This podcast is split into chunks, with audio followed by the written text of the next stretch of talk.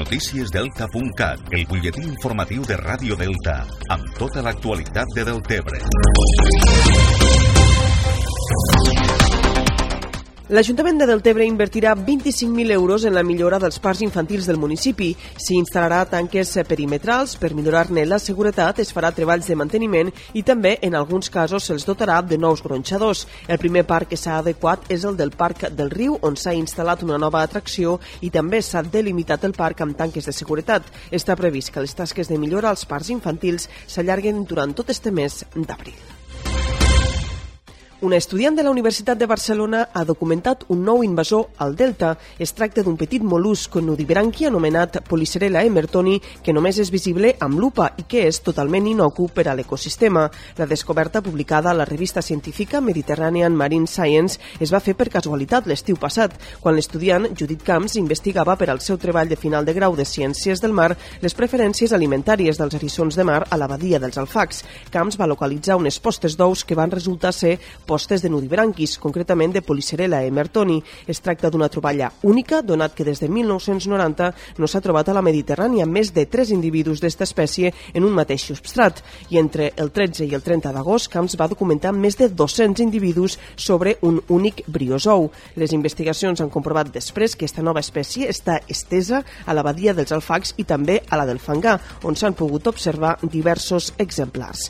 Malgrat tractar-se d'una nova espècie invasora, Camps assegura assegura que és una espècie tan menuda que no té cap efecte sobre el medi o l'ecosistema. Cal tindre en compte que la Polycerella emertoni és un nudibranqui similar a una babosa que pot arribar a un mil·límetre de grandària i només es pot veure a través de la lupa.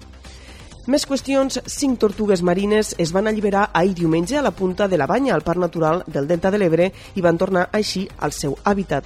Els exemplars havien estat capturats accidentalment durant els mesos de gener i febrer i van quedar atrapats a les xarxes d'arrossegament de pesca. Segons dades de la Generalitat, durant l'any 2018 es van recuperar un total de 67 tortugues, de les quals 66 ja han estat retornades al mar.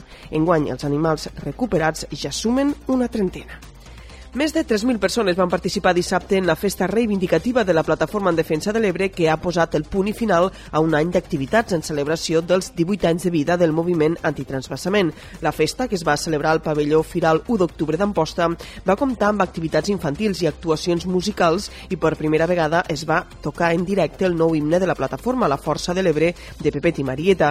Després que el Tribunal Suprem hagi desestimat el recurs contenciós administratiu contra el Pla Hidrològic de la Conca de l'Ebre presentat l'any 2016 per la Plataforma en Defensa de l'Ebre i ajuntaments del territori, el moviment assegura que la lluita continuarà fins a aconseguir blindar el riu i el delta.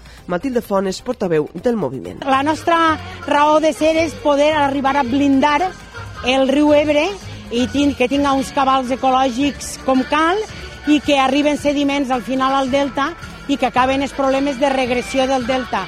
Però de moment això no és possible i per tant la lluita continua. D'altra banda, el Departament d'Agricultura va fer efectiu divendres el pagament de 5,3 milions d'euros als pagesos del Delta corresponents als ajuts agroambientals del 2018. Este ajut té com a objectiu contribuir a la gestió sostenible de les zones humides i en el cas del Delta de l'Ebre en són beneficiaris 1.593 arrossers. Canviem ara de qüestió, parlem de política. Més del Tebre, Esquerra Republicana va presentar divendres el projecte esportiu que la candidatura republicana presentarà per a les eleccions municipals del mes de maig. L'acte va anar a càrrec de Rafa Flores, membre de la llista i actual seleccionador català de curses de muntanya. Flores va presentar amb tot detall el que considera un pla estratègic esportiu per situar del Tebre com a referent de l'esport l'any 2027. El projecte esportiu de Flores es centra en l'àrea d'esports com a centre de la política esportiva al municipi i d'on en derivaran cinc grans àrees de treball, una àrea d'activitat física i hàbits saludables, una àrea de lleure esportiu, una altra d'activitat física i salut per a la gent gran, una àrea de turisme esportiu i una última àrea de competició. Pel que fa als esports, el Jesús i Maria va sortir golejat per un contundent 6 a 0 del camp del Flix i la Cava va empatar a 3 gols contra el Perelló. Este empat ha servit als del Perelló per situar-se líder del grup 1 de la tercera catalana després de les derrotes del Jesús i Maria i el Batea. La igualtat és màxima en aquest grup de la tercera catalana, ja que els tres primers equips estan empatats a 49 punts.